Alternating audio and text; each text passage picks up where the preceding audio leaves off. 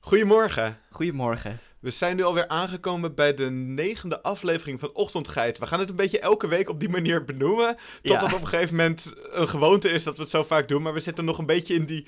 Nog steeds een beetje in die beginspirit. En dat is altijd lekker om een beetje in te blijven. Het is vers. Eh, maar vandaag vliegen we deze heerlijke aflevering. Want we, gaan, eh, we hebben het vandaag gehad over hele mooie vogels. En dat is volgens mij van Sam een heel mooi ding waar hij heel graag heel veel over praat. ja, absoluut. maar- ja, ik kan het uren erover hebben. Maar ehm, we hebben het inderdaad even verkort naar één uur.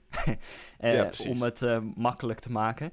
En een beetje behapbaar voor de mensen. ja precies. Hey, en wat ga, waar gaan we mee beginnen? Wat gaan we bespreken?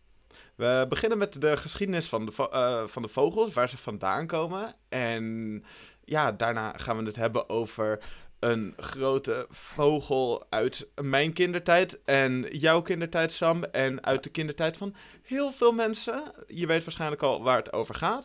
En Sam, waar gaan we het nog meer over hebben? Ja, ik gooi wat feitjes jullie kant op. Met, eh, over roofvogels specifiek. En eh, ja, wat interessante dingen die je misschien wel weet, misschien niet weet. Maar die je eigenlijk wel zou moeten weten. En eh, ja. Ik En denk een gezond dat, ontbijtje. En een heerlijk gezond ontbijtje natuurlijk. Die kunnen we niet Lekker. overslaan. Nou, geniet van de aflevering. Ja, veel luisterplezier.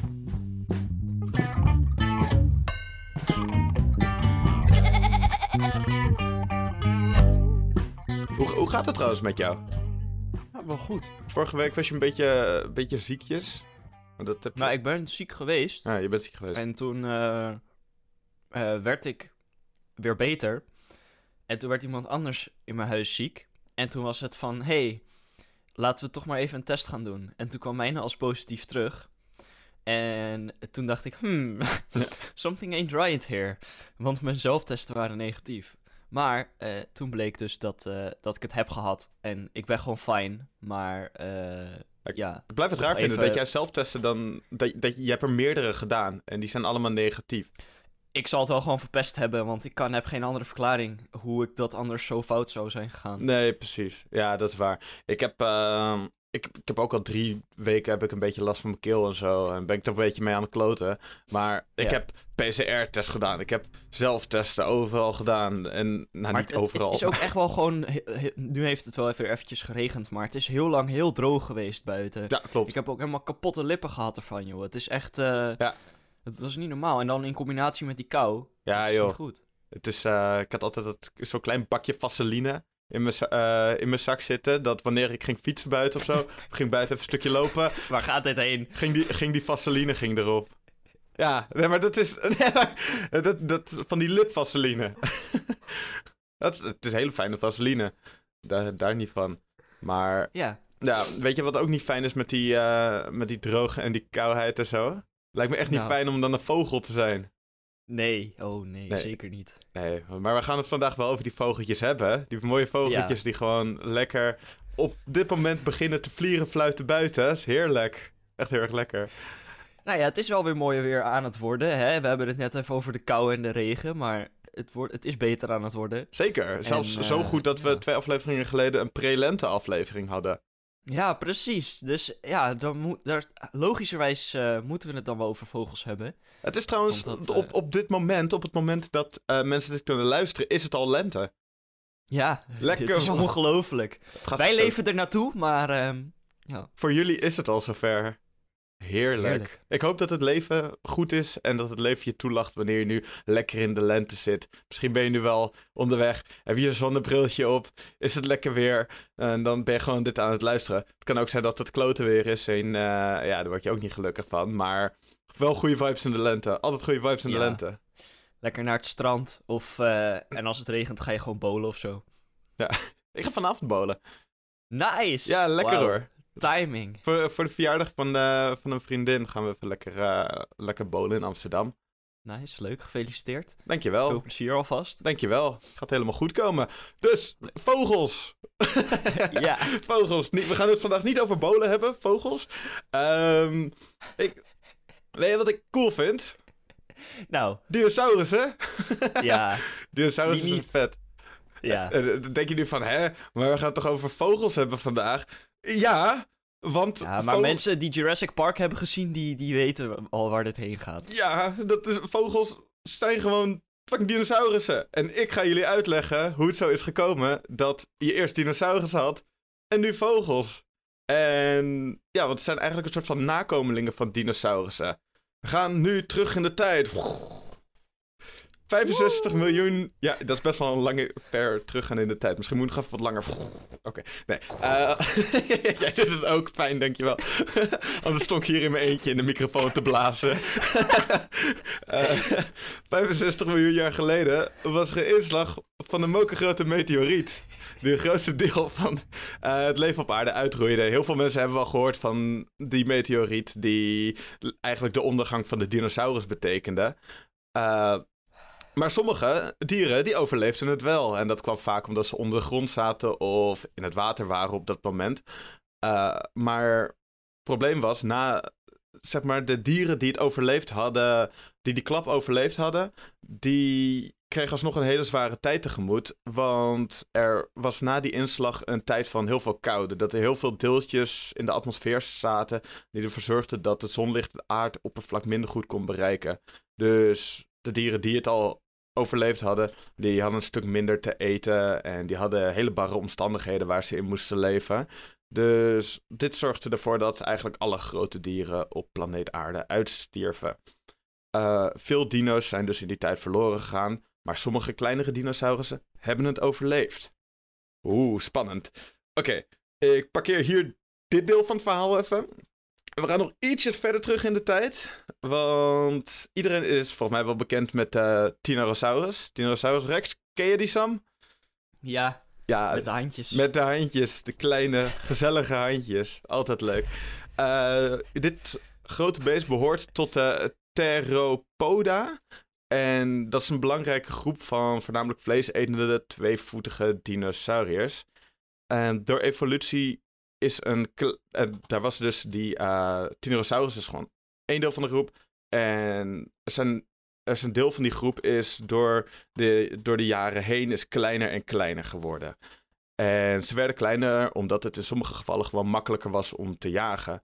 Dus zo kon het dier bijvoorbeeld makkelijk in bomen klimmen. Of uh, ze konden stiller jagen. Of ze konden op een gegeven moment zelfs vliegen. Uit onderzoek van de Universiteit van Adelaide, dat, dat was even moeilijk, uh, kwam vijf, uh, waarbij 1500 delen van dinosaurusskeletten geanalyseerd zijn over, over een lengte van 50 miljoen jaar. De 50 miljoen jaar voor de grote meteorietinslag.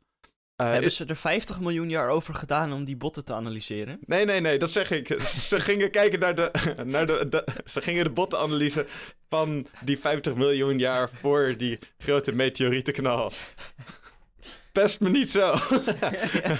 maar maar uh, uh, over die 50 jaar. Sorry, 50 jaar is een beetje weinig. 50 miljoen jaar is af te leiden dat gewoon een groep van deze dinosaurussen.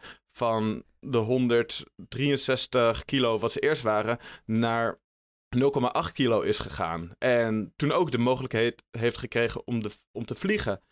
En daar kwam ook de eerste vogelsoort vandaan. En de naam van deze eerste vogelsoort, dat is de Archaeopteryx. En dat was omdat. Uh, en dat was dus gewoon. Dat is een soort van de voorouder van alle vogels die we vandaag de dag kennen. Omdat ze klein waren en ze aten vlees in plaats van planten, hebben ze de meteorietinslag kunnen overleven en zijn ze dus niet uitgestorven. Uh, omdat het vleeseten zijn, hebben ze ook minder nodig in hun lichaam zelf. Dus kunnen ze uh, overleven als kleinere beings en als lichtere beings. En uh, dat, dat is namelijk omdat je, wanneer je planten moet verteren, dan heb je best wel veel in je lichaam nodig om dat goed te kunnen verteren. En ja, ze konden zich voeden met alle kleine dieren die allemaal die meteorietinslag hadden overleefd. En er zitten kleine dieren zitten veel meer voedingsstoffen dan in planten zelf. Um, vanuit deze vogels zijn dus allemaal verschillende vogels gekomen. En tot vandaag de dag dat je eigenlijk overal vogels om je heen ziet, over de hele wereld. En dat is best wel kek. Ze komen dus gewoon van die dinosaurussen. Dus je hebt geen Jurassic Park uh, nodig om dinosaurussen te kunnen zien. Je hoeft alleen naar buiten te kijken. En... Ja, en... Ja? Ja, nee, vertel. Oh, ik wou nog zeggen van... Als je een vogel hebt thuis dat is vet, want dan heb je eigenlijk gewoon een dino thuis. Kijk, dat, dat, dat is winnen. Ja, precies. Dat is winnen. Dan heb je gewoon een leven overwonnen.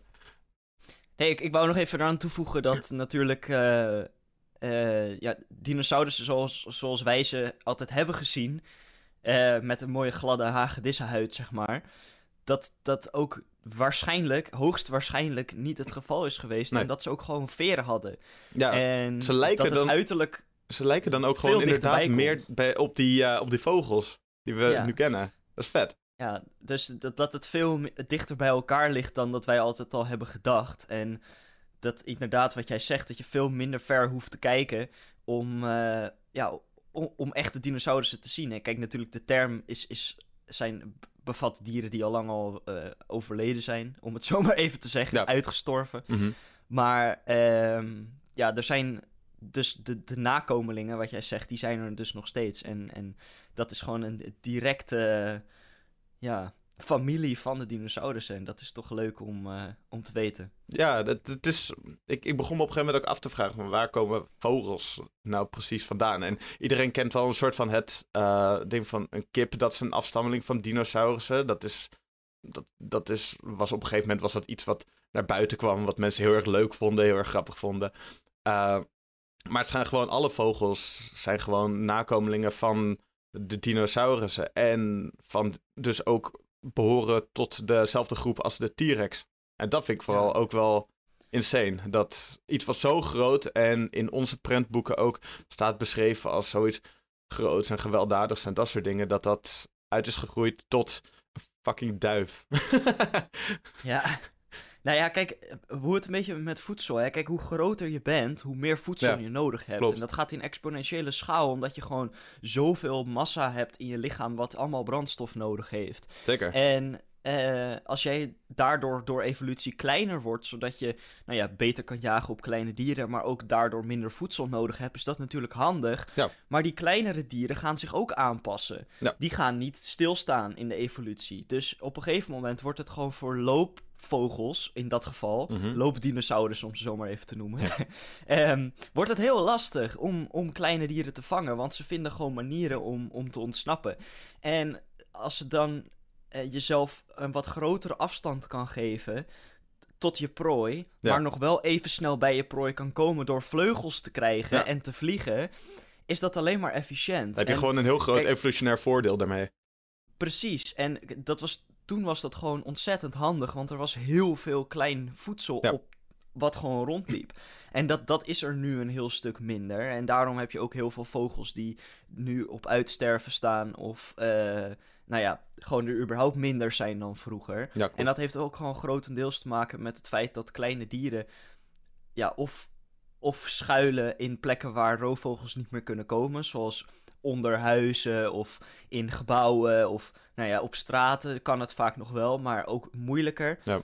Dan in de natuur, waarin het veel makkelijker is voor zo'n vogel om een, een klein, ja, ja, een zoogdier bijvoorbeeld zoals een muis of iets dergelijks te vinden. Ja, maar je merkt ook dat eh, het is, ehm, de biodiversiteit is daar heel belangrijk voor, voor het overleven van die vogels. En dat is gewoon een stuk minder wanneer overal asfalt neergezet en als je overal huizen Ja. gaat neerzetten en gebouwen neerzet. Dus dan wordt het voor die vogels wordt het gewoon automatisch moeilijker te overleven. En dan, zeg maar, hoe de wereld altijd tot nu toe heeft gewerkt, is dat, eh, dat wanneer de, eh, dat veranderingen best wel langzaam gaan in de natuur, relatief.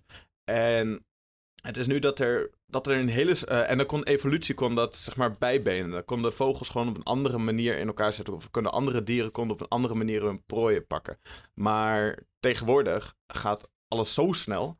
eh, verandert zo snel de wereld eigenlijk voor die vogels en voor de rest van die dieren...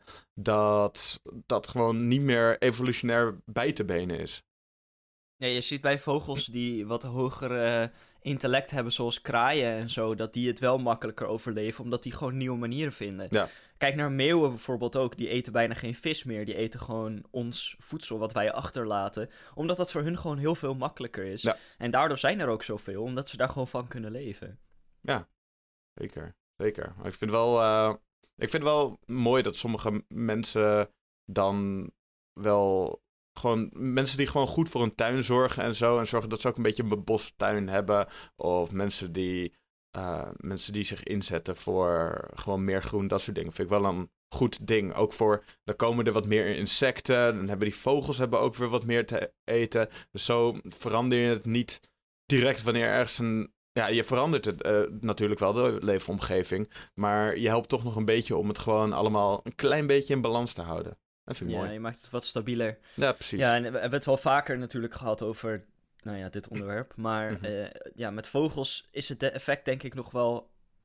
Nou ja, nog net niet het grootst, maar Nee. wel heel erg eh, aanwezig. Omdat het, ja, ze zijn gewoon ontzettend afhankelijk van hun omgeving. Ja, precies. Oh, Oké. ik heb ehm, een hele leuke vraag voor jou. Wat was de eerste vogel waarmee jij in aanraking kwam? Ehm, nou ja, dat zullen waarschijnlijk meeuwen zijn geweest aangezien ik bij de kust woon. Nou ja.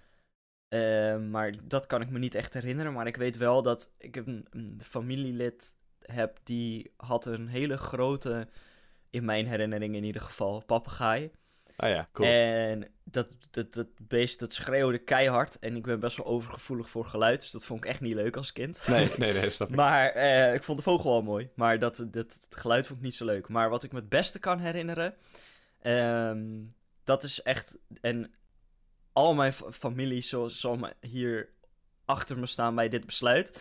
Want pauwen zijn echt de bane of my existence. Ik, waar? heb, ik, ging, ja, ik ging vroeger wel eens naar. Ja, wat ik zeg, ik kon gewoon niet zo goed tegen hard geluid. Ja. En pauwen die schreeuwen echt keihard. en ik ging dan naar de kinderboerderij.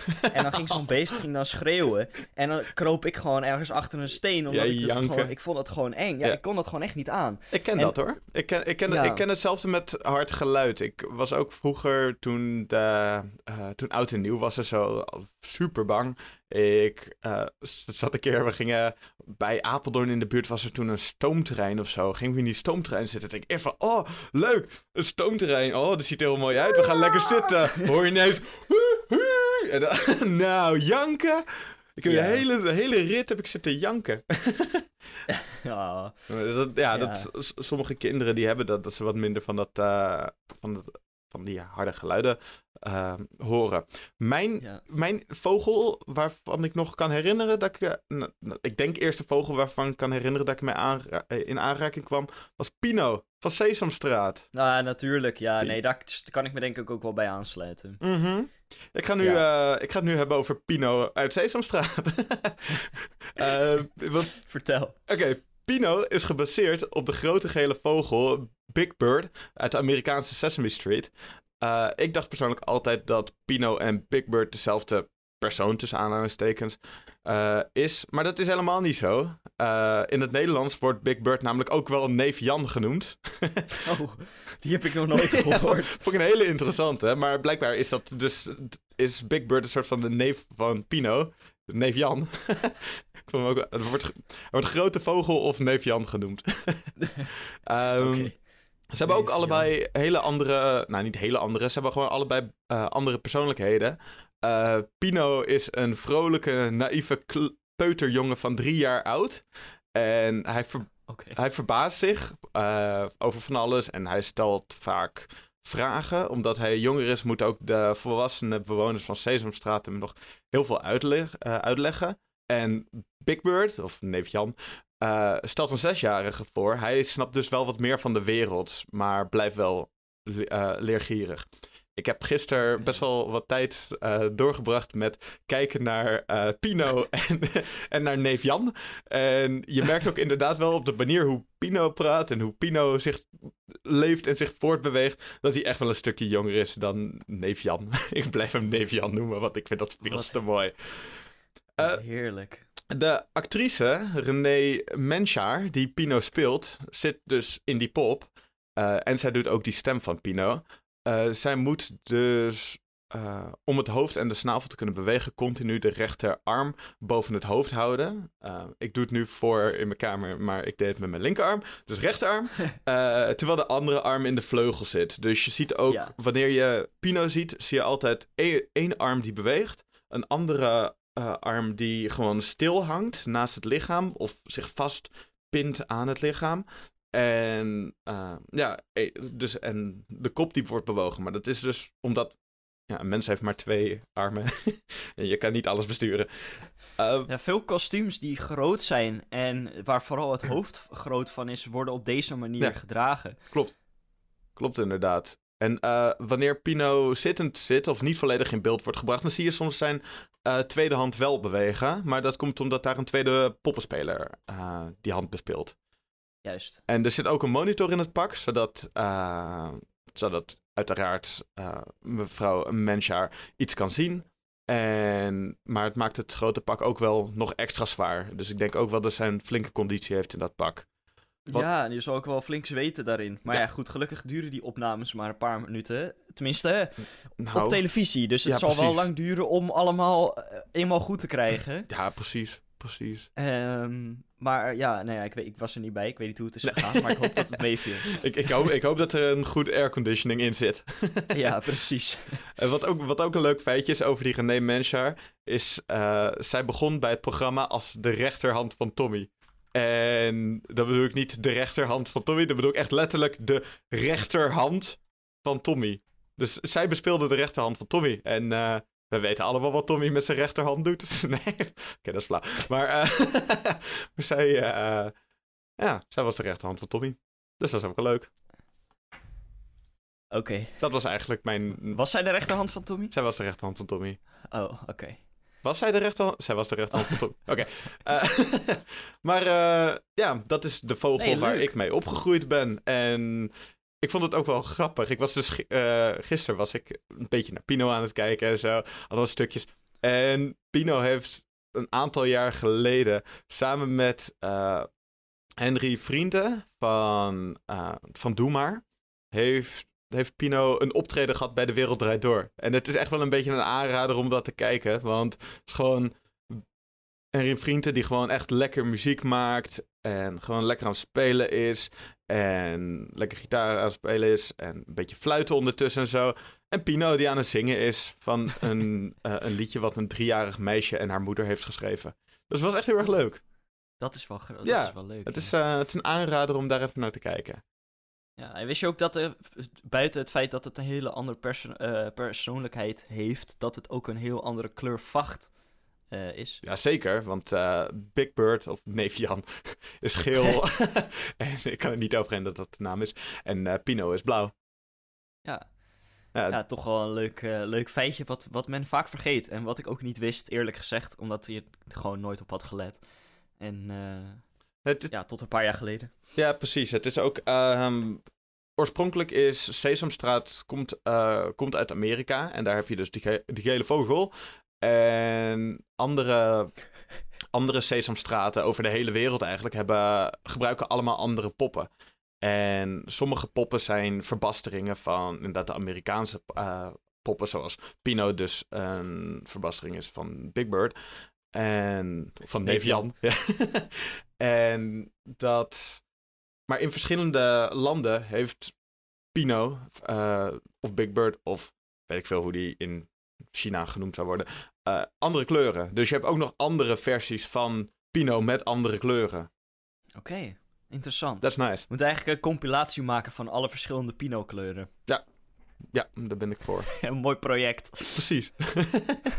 nou, dus eh, Ja. misschien vind je op een gegeven moment op onze Instagram allemaal Pino kleuren. ja, wie weet. Lekker. Alright. Heb... Nee, mooi. Weet je wat ook lekker is? Nou, ik ben heel erg benieuwd. Ontbijt. Oh, ontbijt, altijd goed. Weet je wat vooral heel erg lekker was? Nou. Mini croissantjes. Oh, wat een verrassing. Oei, oei, oei. Ja, dat man. is geen verrassing, maar het, het moet, Maar moet toch gezegd worden. ja, het moet zeker gezegd worden. Wat heb ik je heb ze gedaan? gewoon eh, classic gemaakt, dus met niks erin. En eh, gewoon zoals ik het vroeger deed. Mhm. En eh, een plakje boter ernaast en een hoopje hagelslag. En ga met die banaan. Lekker man, lekker. Ja, heerlijk. Maar je moet het wel... Ja, je moet niks, je bent een vrij man. Maar het is, het is wel een aanrader om het een keertje wel met kaas te doen. Ja, absoluut. En een plakje ham en weet ik veel wat. Ja, lekker. Ehm, maar ja, dat, eh, Maar mooi. Gaat zeker nog gebeuren, want eh, ja, kijk, dit is iets wat ik vroeger heel vaak at en toen ineens niet meer. Maar je hebt het nu weer op de kaart gebracht en eh, Mhm. het gaat zeker vaker terugkomen. Nou, het is Want gewoon super- makkelijk. Ja, het is super En heel lekker. Super, super lekker. En het is gewoon. het is ook leuk om te eten. Ja, Het zijn allemaal mini-bites. precies. Lekker man. Ja. Eet jij dan, hoe, hoe eet je het? Eh, stop je het gewoon in één keer hap weg? Of is Nee, het gewoon. Ik, In ik twee pak er eentje en dan pak ik mijn mes. Ja. En dan pak ik een klein beetje, heel klein beetje boter. Mhm. En dan smeer ik dat erop. Dan doop ik het botergedeelte in de hagelslag. Oh, Dan neem ik één hap, dat is dan de helft. En dat herhaal ik dan met de tweede helft. Waar dan vaak meer aan vast blijft zitten, omdat je er al wat vanaf hebt gebeten. goeie. En eh, ja, dat proces herhaal je dan totdat het op is. En dat is heel lekker. Lekker man. Heerlijk. Ja. ja. Heb- hey, heb heb jij en- weer wat leuks deze week? Jazeker. En ik denk laten we, weet je, we hebben zoveel, eh, ja, dingen waar je op koudt. ik dacht, laat ik dat maar gewoon even wat anders doen. Eh, nee, je, je- het is, gaat niet eh, via je neus naar binnen of zo. Het is eh, een smoothie. en eh, kan je ook via je neus naar ja, binnen ja, doen, je maar kan, het kan. is niet, heel goed voor je, denk ik. Nee. Ehm, en eh, je kan smoothies op heel veel verschillende manieren maken. En daarom is het heel erg, nou ja. Voor ieder is er wel een specifieke smoothie die bevalt. Mhm. Ik heb er eentje uitgekozen met ehm, lekker veel fruit. En, eh, en ook wel een beetje groente. Dus dat is wel interessant. Eh, je kan een smoothie natuurlijk maken met alleen maar fruit. Je kan er ook een beetje yoghurt doorheen doen. Veel mensen doen dat, maar heel veel mensen ook niet. En dat is toch wel een gemiste kans, want het maakt het, het mengsel toch even wat lekkerder. Ehm, je hebt nodig wortel, mango, banaan, yoghurt, sinaasappelsap en een beetje munt. En natuurlijk een blender, dat is wel, wel echt het belangrijkste eigenlijk. Mhm. Ehm, nou, dan rasp je je wortel, zodat het even wat makkelijker geblend kan worden. Anders dan vind je blender het niet zo leuk. Nee. Ehm, dat meng je met het sinaasappelsap. En daar, dat blend je al meteen tot een, een glad geheel. Ehm, dan voeg je de bananen en yoghurt erbij. En dat, eh, nou ja, mix je ook lekker door elkaar. Maar dat banaan is zacht natuurlijk en yoghurt ook. Dus dat hoef je niet fijn te snijden. Yoghurt kan ook niet fijn gesneden worden, maar banaan wel. Kan wel je best En doen, maar eh, je komt nergens. Nee, precies. Je bent heel lang bezig. Ja, je hebt alleen maar een vies mes daarna. Ja. Ehm, dan snij je mango in blokjes. En dan hou je een heel klein beetje van die blokjes over. Ehm, maar de rest, die gooi je gewoon lekker bij de, bij de blender erbij. Dat mix je allemaal door elkaar. Ehm, dan doe je het in een glas. Dan leg je een paar mango blokjes bovenop. Tak je munt erin. En eh, voilà. Lekker. Je hebt een heerlijk fruitig ontbijtje. Dat is wel echt toevallig dat je hierover begint. Want ik, want ik was, eh, ik was eh, gisteren van de, vanaf de gym naar huis aan het fietsen. En toen dacht ik ook van, ik wil wel een keertje weer beginnen met smoothies drinken in de ochtend. Want dat heb ik eigenlijk nooit echt gedaan ooit. Nooit echt gedaan ooit. Nice. Eh, maar daar wil ik gewoon weer mee beginnen. Maar ik dacht toen van, oh ja, maar jij komt straks met een nieuw idee. Dus dan ga ik dat eerst proberen. En daarna ga ik wel even kijken wat ik wil doen met smoothies. Maar dit is gewoon ultiem dan. Dat je gewoon dat al als idee hebt. Want dan kan ik er gewoon mooi. mee beginnen. Gopper. Ja, het, is, het is heel grappig dat. eh, ik, ik neem aan dat vaak als je het luistert, hè, Ochtendgeiten, deze fantastische podcast, dan denk je waarschijnlijk als luisteraar dat wij heel veel dingen met elkaar van tevoren hebben afgesproken. Maar dit is het levende bewijs dat het vaak niet zo is. Nee, en dat het gewoon toevallig zo uitkomt. het is letterlijk voordat wij beginnen met opnemen gaan we aan elkaar zeggen wat we een beetje voor onderwerpen hebben. Dan zeggen we daarvan, oké, jij doet dit hier, eh, jij doet, de andere doet dat hier. En dan spreken we dat af en dan gaat gewoon de opnameknop gaan aan en dan begint het. Ja, dus er is echt weinig afgesproken. En dit is heel mooi dat het toevallig zo, eh, zo uitkomt. Maar nogmaals, mocht je zeggen van... Oh, ik heb helemaal geen zin in mango of banaan... eh, gooi er vooral wat anders doorheen. Ja. Maar, ehm, Ja, maar dat is ook het heerlijke van die smoothies. Je kan er, je kan er echt van alles mee. ja. En maar is- deze zou ik zeker proberen. Want, eh, nou ja, zeker met de wortel er doorheen... maakt vergit wel echt een... ja, best wel unieke smaak. Is heel lekker. En Lekker. goed voor je ogen. Lekker, lekker. En vooral gooi er een beetje liefde bij. Dan, dan wordt het nog lekkerder. En dan kan je gewoon genieten. Alles is Ja, lekkerder met een beetje liefde erbij. Absoluut. Ah, Ja, en ik, ik zei net al eventjes dat wortel eh, goed is voor je ogen. Eh, of dat daadwerkelijk zo is, dat, dat eh, durf ik niet te zeggen. Maar dat is wel wat heel veel mensen beweren. Nou, het is toch, Ehm. er zit een bepaalde stof in dat wel voor zorgt dat je ogen wat beter, wat beter Ja. doen. Absoluut. En, maar dan moet je het wel blijven eten. Ja, dat is waar. Je hoeft geen spiegel op te bouwen of zo. Maar je, je, je moet het, je kan niet verwachten dat als je het één keer eet, dat je geen bril meer nodig hebt, zeg maar. Nee, nee, daar ben ik het levende, Ehm. levende bewijs van. Try that, maar het werkt niet. Helaas. Nee, nou ja, kijk, go- goede ogen is natuurlijk heel fijn om te hebben eh, als mensen, maar wij hebben het niet meer per se nodig. We hebben hulpmiddelen zoals eh, brillen of lenzen of laseroperaties of nou ja, noem het maar op.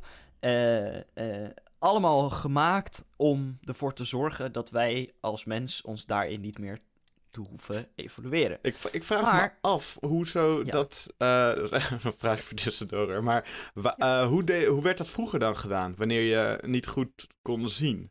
Dan, Dan ging je dood. ja, fair enough. Dat, dat is gewoon inderdaad eh, survival of the fittest. Als je geen Ja. fitte ogen hebt, dan ben je gewoon klaar. Ja, want als jij niet kon zien dat een, bijvoorbeeld, ik zeg maar even een heel stom voorbeeld, een leeuw een leeuw is, dan ben jij best wel, best wel de sjaak. Ja, precies. En dat je denkt dat, dat- het een antiloop is, omdat je min, min 9 hebt. ja, nou ja, kijk, de- ik weet niet hoe dat, precies hoe dat was ehm, voorheen, maar ik heb wel het idee dat ogen er niet beter op worden. Ook omdat wij die hulpmiddelen hebben gemaakt. Nou zeg ik niet van, haha, stop met brillen maken. Want dat is een fantastische hulpmiddel. Want er zijn ontzettend veel mensen die er heel veel aan Ja. hebben. Ehm, maar ja, het, is, het directe gevolg is wel dat we in de evolutie eh, ja, vaak minder goede ogen hebben dan, eh, dan dat het had kunnen zijn. Ja, precies. Maar dat is, dat is prima. Dus dat is ook hoe evolutie werkt. En wanneer je op een gegeven moment gereedschappen gaat maken, dat, dat die aspecten van evolutie niet meer nodig zijn, omdat iedereen het gewoon overleeft. Ja, precies. Nou, dat. En ehm, wat je dus wel... eh, ja, kijk, wij hebben het dan niet nodig, hè. Go- goed zicht. Of in ieder geval... Het is handig om te hebben, maar we hebben het niet per se nodig om te overleven. Nee. Ehm, eh, vogels wel. Mhm. Die hebben echt wel heel goed zicht nodig om te overleven. En ehm, dan ga ik toch wel meteen even naar de roofvogels. Want ja, de, daar, één, daar hangt hier een uil achter me. Ehm, en twee, eh, ja, weet je, goed zicht, en maar ook heel veel andere dingen zijn echt ontzettend bijzonder aan roofvogels. Die mensen misschien wel weten, maar eh, naar mijn mening niet vaak genoeg bij stilstaan. Dus daar gaan we gewoon lekker over hebben. Nice. En ehm, ik ga wat willekeurige feitjes je kant op gooien, Jeroen. Lekker. En, ehm, maar ik ga even be- eerst beginnen met de top 10 grootste roofvogels. En dat is eh, eh, gerangschikt op gewicht en niet op spanwijdte. Oké. Ehm, dan beginnen we met nummer 10 met in het Engels de Golden Eagle. Voor ons heet dat de steenarend. En eh, die is, weegt 7 kilo, komt vooral voor in Noord-Amerika. Nou ja, eh, ook wel in Azië eh, en Oost-Europa en Noord-Afrika. Dus echt op heel veel plekken. Heel veel mensen kennen de steenarend ook. Eh, Ehm, overal behalve hier. Behalve hier inderdaad, ja, nou, dat heeft wel grotendeels met het klimaat te maken Ja. en de dichtbevolktheid. Maar ja, hij komt hier wel. Het is niet zo dat hij helemaal niet hier voorkomt. Maar ehm, ja, de, de, hij leeft hier niet echt vast. Hij komt er misschien even tussendoor eh, langs van, hey, hier ben ik. En dan gaat hij er weer vandoor. maar eh, nee, steenarend is een beetje de meest eh, standaard arend, denk ik, die, die wij kennen. Als Nederlander in ieder geval. Ehm, nou, hij is bruin, maar daarom heet hij in het Engels Golden Eagle. Want zeker in Noord-Amerika heb je best wel veel nou ja, zonlicht en ook wel nou ja, plekken waar het wat bruiner is, de aarde. En dat reflecteert dan op de, eh, de vleugels en dan lijkt hij een beetje gouden kleur te hebben. Dus vandaar.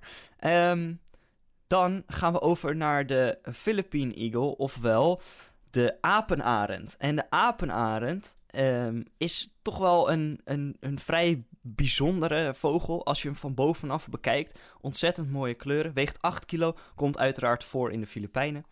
Ehm, dan gaan we over naar de lammergier, ook 8 kilo. Die heeft dus ook een gedeelde plek samen met de, met de, met de apenarend. Nee.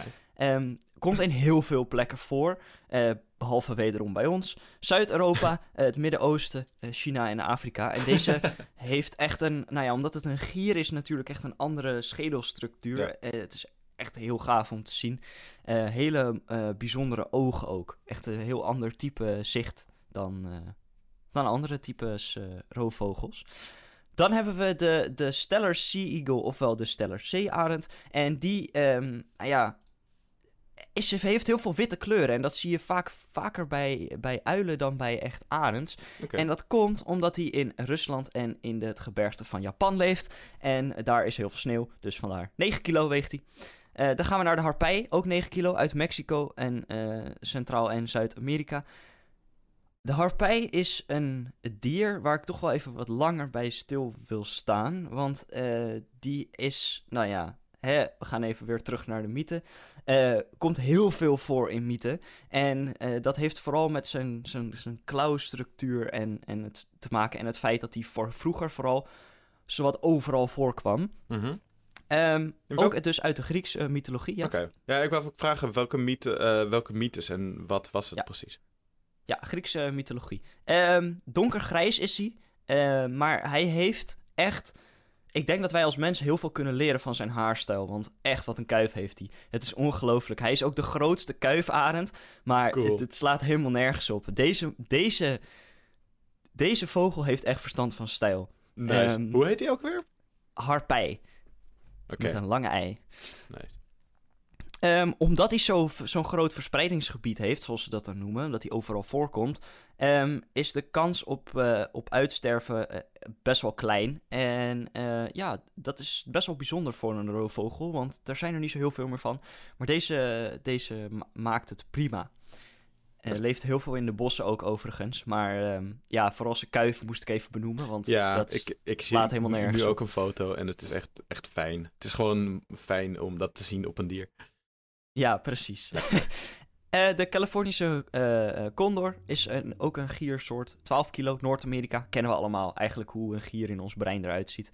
Ehm, dan hebben we de, de mooie Himalaya-gier. En die heeft ook wel een beetje de bruin-gouden kleur van een, eh, van een, een steenarend. Maar dan echt gigantisch. Eh 12,5 kilo. Lekker. 14 kilo gaan we naar de, de gier die we altijd in cartoons zien. De, eh, de oorgier. En die is oorgier, ja. ehm, En niet orgie, maar orgie.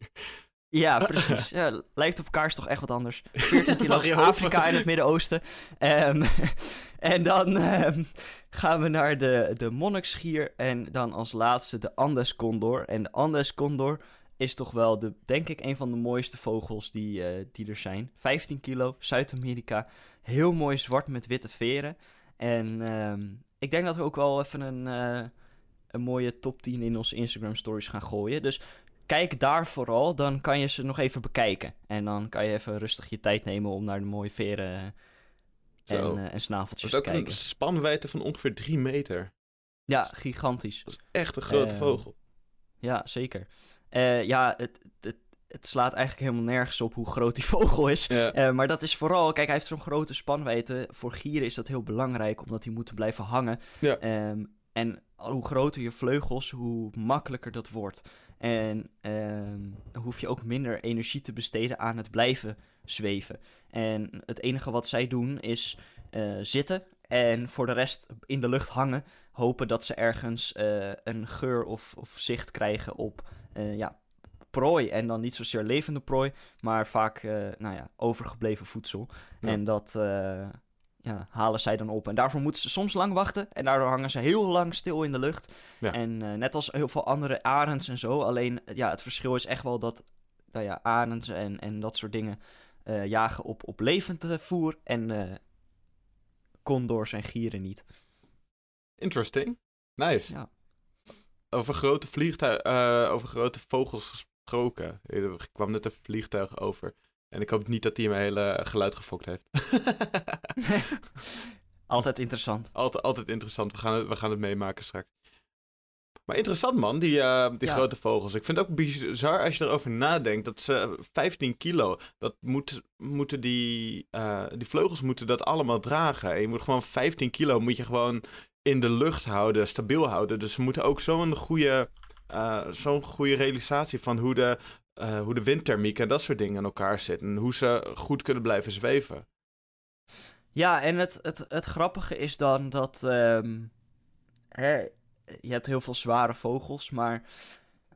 meestal jagen die op wat kleinere dieren. En Ja. dat is ook logisch, want ze moeten ze kunnen meenemen en ermee weg kunnen vliegen. Ja. Maar dan heb je de kroonarend, de chat van alle vogels. Mhm. En die komt gewoon en die jaagt op prooi die 30 kilo kan wegen. Jee!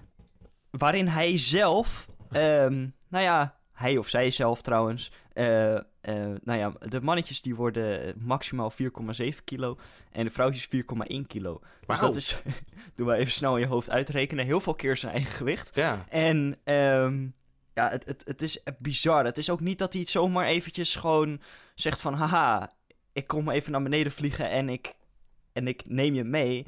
Nee, hij heeft echt gigantisch veel kracht in zijn eigen klauwen zitten. ja, dat moet Hij wel. weet ook precies hoe hij dat moet gebruiken. En hij kan ook gewoon... Hij, in plaats van dat hij het hele dier meeneemt...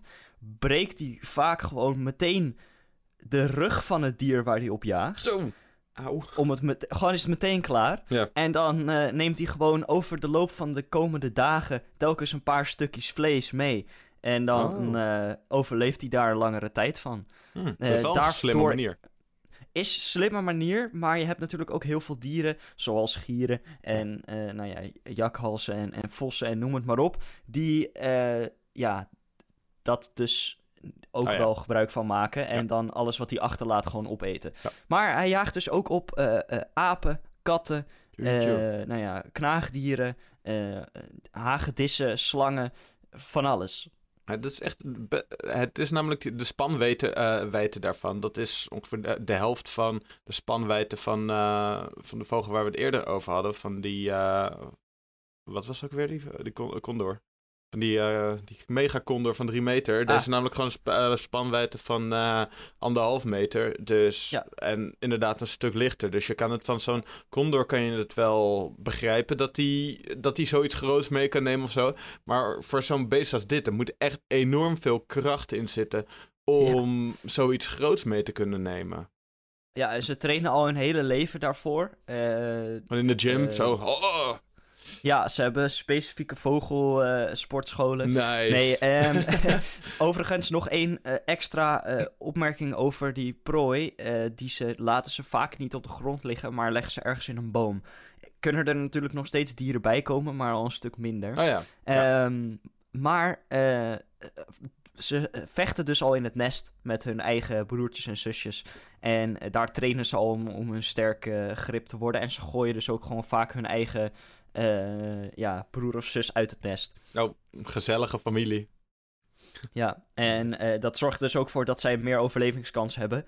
Ehm, want dat is helaas ook hoe het gaat bij de vogels. Ja. En we hebben het over grote vogels, maar we gaan ook eventjes heel kort naar een hele kleine vogel. Zo'n beetje de kleinste roofvogel, als niet de allerkleinste roofvogel die er is. En dat is de musvalk.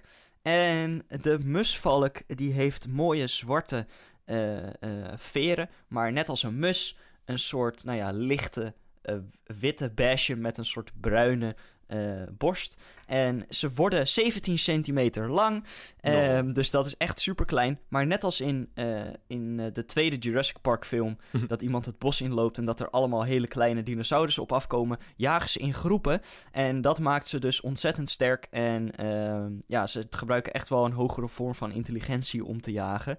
Ehm, nou ja, bossen, rivieren, maar ook plekken waar mensen leven. Eh, het, het maakt ze niet uit. Ze gaan eh, op alle kleinere eh, dieren af, vooral knaagdieren en zo. En ze leggen ook gewoon hun eieren in plekken waar andere vogels leven. Gewoon van, nou, dit, dit is nu mijn plek. Ja, Dit- ja, ja. Free real estate, dit is nu van mij. dus dat, dat is ook altijd wel mooi. Kon ik dat maar doen met de huizenmarkt van nu?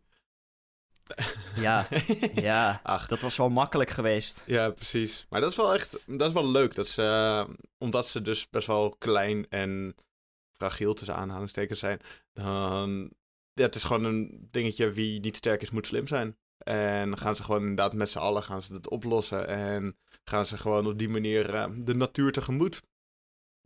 Ja, en het is ook wel leuk om te benoemen dat ehm, in het Nederlands zeggen wij gewoon valk. Mhm. Ehm, even op z'n Heemskerks valk. Valk! Maar, maar ehm, in het Engels hebben ze dus een verschil tussen grote en kleine valken. En de wat grotere noemen ze falcon, zoals wij het kennen. Mhm. En, maar de kleinere, zoals de musvalk, noemen ze falconet. Omdat het echt wel een, een kleinere eh, soort is. Oh, dus oké. het is wel, wel grappig om te zien. En want jammer als- dat wij daar geen... eh, Als ik denk aan valk, dan denk ik inderdaad ook niet aan zo'n klein scharminkel. Dan denk ik Nee. eh, eerder inderdaad aan die grote beesten. Maar dat, eh, dat hebben eh, de Engelsen dus opgelost door het een andere naam gewoon te geven. Ja, eh, zoals een slechtvalk die eh 321,9 km per uur kan. oh ja, dat is gemeten. die. Ja, ziek snel. De snelste roofvogel en ook wel gewoon überhaupt het snelste dier Ja. op aarde. Klopt. En eh, ja, weet je, ik noem nu drie vogels met een spe- speciale ding. Ik kan nog heel lang zo doorgaan. Ehm, dit blijkt maar weer dat vogels echt allemaal uniek zijn. En Ja. allemaal iets heel bijzonders hebben. En allemaal hun eigen manier hebben gevonden door de duizenden miljoenen jaren heen. Om ja, ja, te, te jagen en te overleven. En het is zo gaaf om te zien Ja, dat ondanks dat het uit, vanuit dezelfde soort komt Mhm. Dat ze allemaal een andere manier van leven hebben. En dat is, eh, ja, bij vogels is dat het makkelijkste te zien, denk ik. En dat is toch wel, eh, wel, wel gaaf. Ja, ze passen zich goed aan, eh, aan, de aan de omgeving waar ze in zitten. Dat is, dat is bij vogels is dat gewoon heel goed te zien. Dat in de ene omgeving is een, is een duif, een is het duif zeg maar het handigst qua, overle qua overleven. En als je kijkt naar de Dead Valley, dan ben je weer als gier zijn, dan ben je weer, eh, hand, eh, is weer wat handiger, omdat daar de meeste dieren gewoon doodgaan. Ja, precies. dat is lekker eten. Mm. Ja. Het is Ja, trouwens... ik heb dus... Ja, vertel. Ik, eh, het is, ik, ik had er nooit heel erg bij stilgestaan dat vogels eigenlijk allemaal wel vleeseters zijn. Het, was, Ja. het, het is, als je erover nadenkt, inderdaad tuurlijk. Maar dat dat, inderdaad, doordat dat die afstammelingen zijn van die dinosaurussen. Eh, je ziet die als grote, eh, zo- zo'n Tyrannosaurus als grote vleeseter en eng en dat soort dingen. Maar die vogels die zijn er dus afstammelingen van. En dat zijn gewoon kleinere versies eigenlijk van die wilde, wilde vleeseters die alles om zich heen eh, opeten. Vind ik wel, vond ik wel vet. Leuke realisatie was dat. Zeker. Meneertje Dat moet is de niet eerste keer. Nou, Dat is de eerste keer Is dat dit- er niet, iemand niest tijdens, een, tijdens de podcast. nou, ik heb wel vaak dat ik kuch of soms hoest of zo, maar dan duik ik gewoon soort van bij mijn Weg. microfoon weg en dan eh, ga ik op een achtergrondje. Ja, deze, kwam echt, eh, deze kwam echt op. Deze had een opbouw gewoon. Ja, die kwam uit je ziel. Ja. Nee, wat er nog wel, om erop terug te komen, wat een leuk voorbeeld is van, eh, van vogels waar wij, die wij vaak zien, waar veel mensen niet bij stilstaan, is een zwaluw. En eh zwaluwen eten insecten, wat in Mhm. principe ook vlees is. Ehm, het is iets anders, maar voor het idee. Een levend dier. En ehm, je ziet ook wat het weer gaat doen aan de hand van waar de zwaluw vliegt. Ja, klopt. En eh, ja, als het eh, ja, wat, wat, wat slechter weer is, dan gaan de insecten op een andere plek leven. En de zwaluwen dan dus ook. En dat is, eh, ja, ik vind dat altijd een heel bijzonder iets. En zeker in Nederland kan je dat heel goed zien.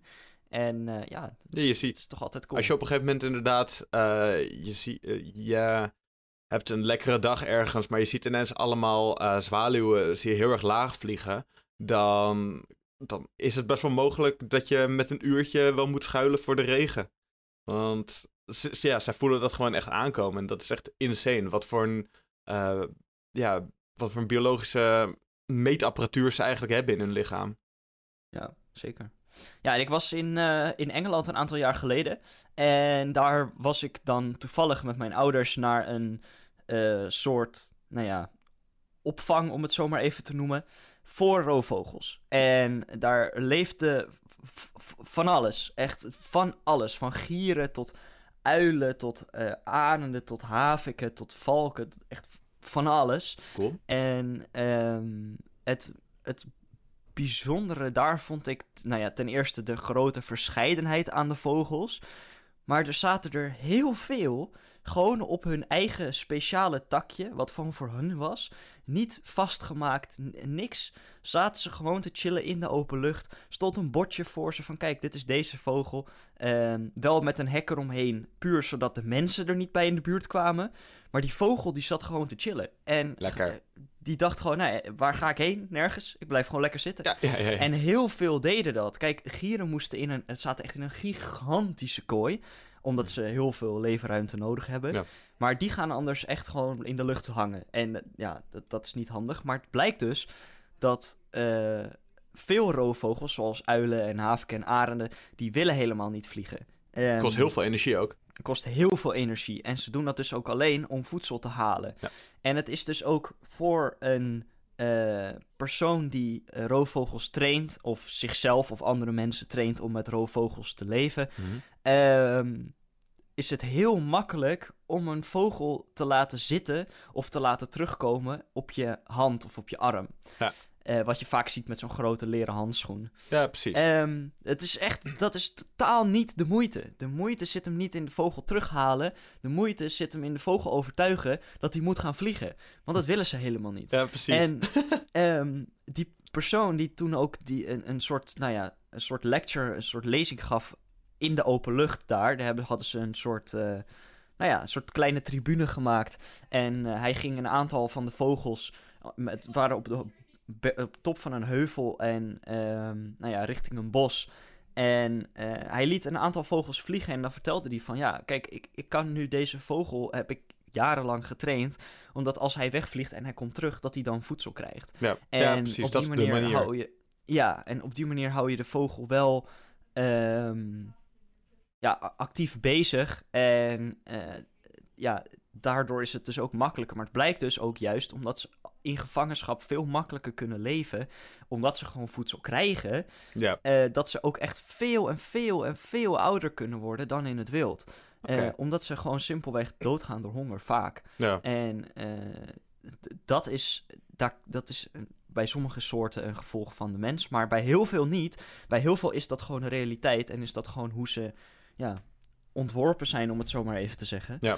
En ehm, ja, het is, ik vond het toch wel bijzonder om te zien dat, dat roofvogels juist dan in gevangenschap zo ontzettend veel ouder kunnen worden. Het is echt twee of drie keer de leeftijd. Het is echt bizar. Echt waar? Ja, Ja, omdat ze daar gewoon inderdaad voldoende eten krijgen. Maar dan is het ook niet handig voor een vogel om weg te gaan. Want ze weten, weet je, op deze plek krijg ik mijn eten. Op deze plek ehm, heb ik het goed. Eh, waarom zou ik weg willen vliegen? Dus daarom kan het ook, kunnen, kunnen ze gewoon, oh, kan het gewoon oh, in de open lucht. Ze vliegen toch niet weg. Want ze blijven daar gewoon inderdaad wat je zegt. Ah, ja, nice. precies. En inderdaad, dat eh, van de ene kant naar de andere kant vliegen. Je hebt inderdaad, je moet echt een beloning geven, want anders gaat dat beest gewoon blijven zitten. En dan kan je Ja. wel heel leuk zijn van, ga naar mijn handschoen toe. Maar zolang de beest er het nut niet van ziet, dan gaat het be- beest echt niet al zijn energie steken om jou en de mensen die naar je kijken blij te maken. Dat beest denkt gewoon van, ja, pleurt even een eind op. Ik, eh, ik wil gewoon chillen en eten. Ja, precies. En dat is ook echt exact wat je ziet. En er zijn ook verschillende soorten roofvogels die anders gedragen. Kijk, bijvoorbeeld haviken. Die zijn best wel eh, loyaal en makkelijk in te zetten voor jacht en dat soort dingen. Eh, omdat ze wat makkelijker luisteren. Als jij gewoon zegt, nou ja, gewoon. Als jij ze traint, je hoeft ook minder training te doen. En je laat ze weten van, hey, ga vliegen, dan doen ze dat. Maar Ja. bijvoorbeeld uilen zijn echt heel eigenwijs. Ja, En als je tegen een uil zegt, ga dat doen, dan doet hij het gewoon niet. Nee. Gewoon niet. zo is hij. Er was daar een, eh, een, een, eh, een vrouwtje eh, en dat was een hele, hele, hele grote mooie sneeuwuil. En eh, die was al best wel oud ook. Nou ja, niet oud, maar echt wel in eh grote volwassen leeftijd, zeg maar. En ehm, die eh, persoon, die trainer, die zei ook op dat moment van... het zou echt volledig zo kunnen zijn dat ze er absoluut geen zin in heeft en gewoon niet gaat. Wees daar voorbereid, Ja. want het kan. Ze is echt heel eigenwijs en ze wil gewoon soms niet. En ehm, nou ja, het duurde ongeveer 10 minuten, maar ze ging wel voor een heel klein rondje. En toen kwam ze weer terug. Maar eh, ze had even gevlogen en toen was het, eh, was het ook weer goed. Maar Ja. ja, ja het, het is grappig om te zien hoe die persoonlijkheid van die vogels daarin heel erg naar voren komen. En die trainer deed het natuurlijk ook heel leuk. Ja. Maar kan het iedereen aanraden. Kijk, ik kan me voorstellen, er zijn mensen bang voor vogels. Net zoals dat ik bang ben voor de diepe zee. Doe het dan gewoon niet, want weet je, dan heeft het weinig zin. Ja, dan kan je er wel Maar naartoe gaan, maar dan zit je gewoon de hele tijd eh, vol met angst. zweten. Dat is niet handig. Ja. Ja. Nee, dus, maar vind je het leuk of wil je over, juist over je angst heen komen? Dat kan ook natuurlijk. Of ben je erin geïnteresseerd of weet je helemaal niks? Ik kan het iedereen aanraden. Want de begeleiders zijn ontzettend goed en leuk en ze weten alles. En eh, ja, die, dat zijn ook de, een van de weinige plekken waar dieren daadwerkelijk goed behandeld worden in gevangenschap. Ja, dat, dat wou ik net zeggen. Van het is, eh, veel mensen beginnen soms een beetje een afkeer te krijgen tegen dierentuin en zo. Omdat je dan zie je gewoon een paar leeuwen op een aantal vierkante meter staan. En dan denk je zo van ja, dat is gewoon niet wat, waar evolutie ze naartoe gebracht heeft. Maar deze vogels, die zo te horen, uh, die kunnen wel gewoon een goed leven leiden. En die, Ja. Die kunnen zich ook echt een beetje eh, wel. Ja, een klein. Dan hebben ze natuurlijk niet de ruimte, maar een beetje gedragen als in natuur. Door ook echt een beetje op dingen te jagen en zo. Wat dan wel verzorgd wordt door de, eh, de, de mensen die er werken. Maar ze worden wel gewoon goed behandeld. Ze kunnen naar buiten. Ze, veel mogen ook gewoon wegvliegen. Dat, dat Ja. kan gebeuren, maar dan kiezen dus, ze er zelf voor om te blijven. Omdat ze weten dat ze hier gewoon het meeste uit kunnen halen. Dus dit is niet Ja. zielig, het is gewoon mooi. Ja, en daarom begon ik ook met het feit dat ze gewoon daar los zaten. Ja, precies. En eh, kijk, niet allemaal, hè, want sommige die... Je moet je ook beseffen dat er waren daar vogels die eh, kleiner, een heel stuk kleiner waren dan de andere vogels die praktisch 30 meter naast hun stonden. Oh, ja, ja, ja, ja, ja, ja. En de ene vogel eet gewoon de andere op als zeggen, het zo uitkomt. Klaar. Dus er waren er ook een aantal kleine die niet zo heel veel leefruimte nodig hebben. Die kunnen, komen, overigens, elke vogel werd wel eens in de zoveel tijd naar buiten gelaten om gewoon te vliegen. Alles uitlaten met zo'n touwtje. ja, met een touwtje als een vlieger. Nee. Maar eh, dat ze in ieder geval gewoon de ruimte kregen en, en ook getraind werden en actief bezig gehouden worden. Dat het gebeurde met allemaal, maar er waren er echt een heleboel die eh, in, in in principe in hun leefruimte wel in een kooi zaten. Wel in hele grote kooien. Echt groter dan de meeste huizen die wij kennen. Mhm. Ehm, maar alsnog gewoon voor hun eigen bescherming. Dus ja, eh, dat, dat is dan alleen maar handig. En Ja. ja, kijk, in, in het geval van, van de, de wetenschap, wij als mens zijn natuurlijk bekend al jaren en het wordt alleen maar bekender en, en beter met de mentale gezondheid van de mens. En Ja. eh, daar zijn we ontzettend veel mee bezig, is ook super belangrijk. Maar veel mensen beseffen zich ook niet dat dieren dat net zo goed kunnen hebben. Lekker. En het- of daar last van kunnen hebben, om het zo maar te zeggen. En mentale gezondheid eh, is daar ook een ding. En zeker ook bij vogels die echt heel intelligent zijn, wat die echt heel erg onderschat worden. Ja. En eh, ja, nou ja, daarom hebben ze ook zo'n zo'n duidelijke persoonlijkheid en, en ja, van die leuke trekjes. Maar vooral ook mentale gezondheid is heel belangrijk. En ehm, net als dat je kat ook eh, daarvan last van kan hebben, kunnen vogels dat ook. En daarom is het ook belangrijk dat als je een vogel als huisdier neemt, dat je weet waar je aan begint. Ja. Want anders dan kan het vervelend worden voor jou en voor het dier. En dan wint niemand. nee, Terwijl dan als krijg je gewoon een weet waar je- vervelende situatie. ja, terwijl als je weet waar je aan begint, eh, het voor iedereen leuk is. En eh, ja, dan wordt het voor de vogel ook beter en voor jou ook. Maar ik denk dat dat Dus zo- sowieso, sowieso wel is met alle huisdieren. Inderdaad, vogels is dat heel belangrijk bij, omdat ze ook die, eh, die grote intelligentie hebben. Maar hetzelfde ook bij honden en katten en zo. Weet echt waar je aan Zeker. begint en hoe je ermee om moet gaan. Ehm, Ik zie vaak genoeg eh, honden die gewoon zich, eh, maar alles, alles doen wat ze willen, dat soort dingen, alles mogen doen. Dat is voor die honden ook niet fijn. Uh, en dan worden ze, soms hebben ze dan ineens dat het baasje ineens bo boos wordt op een situatie waar normaal het baasje niet boos zou worden. En bijvoorbeeld honden hebben heel erg duidelijkheid nodig. Dat is heel fijn Ja. voor honden. En weet zo gewoon voor elk dier wat je in huis neemt, wat ook de behoeftes van het dier zijn. Want uiteindelijk word je daar allemaal, word jij inderdaad daar gelukkig van en wordt het dier daar gelukkiger van, zodat je in mooie harmonie naast elkaar kan leven. Ja, precies. Nou ja, en honden zijn te vergelijken met haviken, of eigenlijk andersom. Die zijn echt wel trouw en hebben duidelijkheid nodig. Ja. En eh, uilen zijn vergelijkbaar met katten. Die zijn ontzettend eigenwijs. En die luisteren alleen naar hun eigen, eh, eigen mening. Ja, ja, ja, ja. ja. Heerlijk. Ja, nou ja, dat, dat was even eh, een kleine informatie over roofvogels. Leuk man. Maar eh, echt wel vooral met de boodschap om het op te zoeken. eh, niet op het internet, maar fysiek op te zoeken. En die plekken te vinden waar, dat, waar, waar die trainingen worden gegeven. Waar gewoon mensen zijn die er verstand van hebben.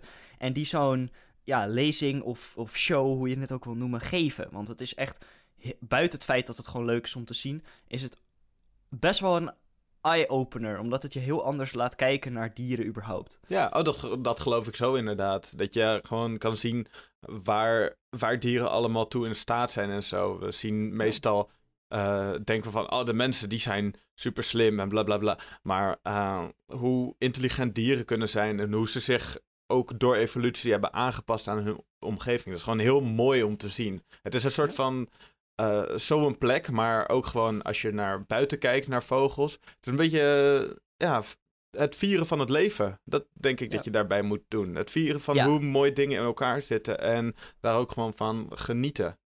Ja, precies. Ja, en nog één klein ding. Uh, je, hebt, je had het eerder, of tenminste, ik had eerder even kraaien op tafel gelegd toen jij je verhaal vertelde.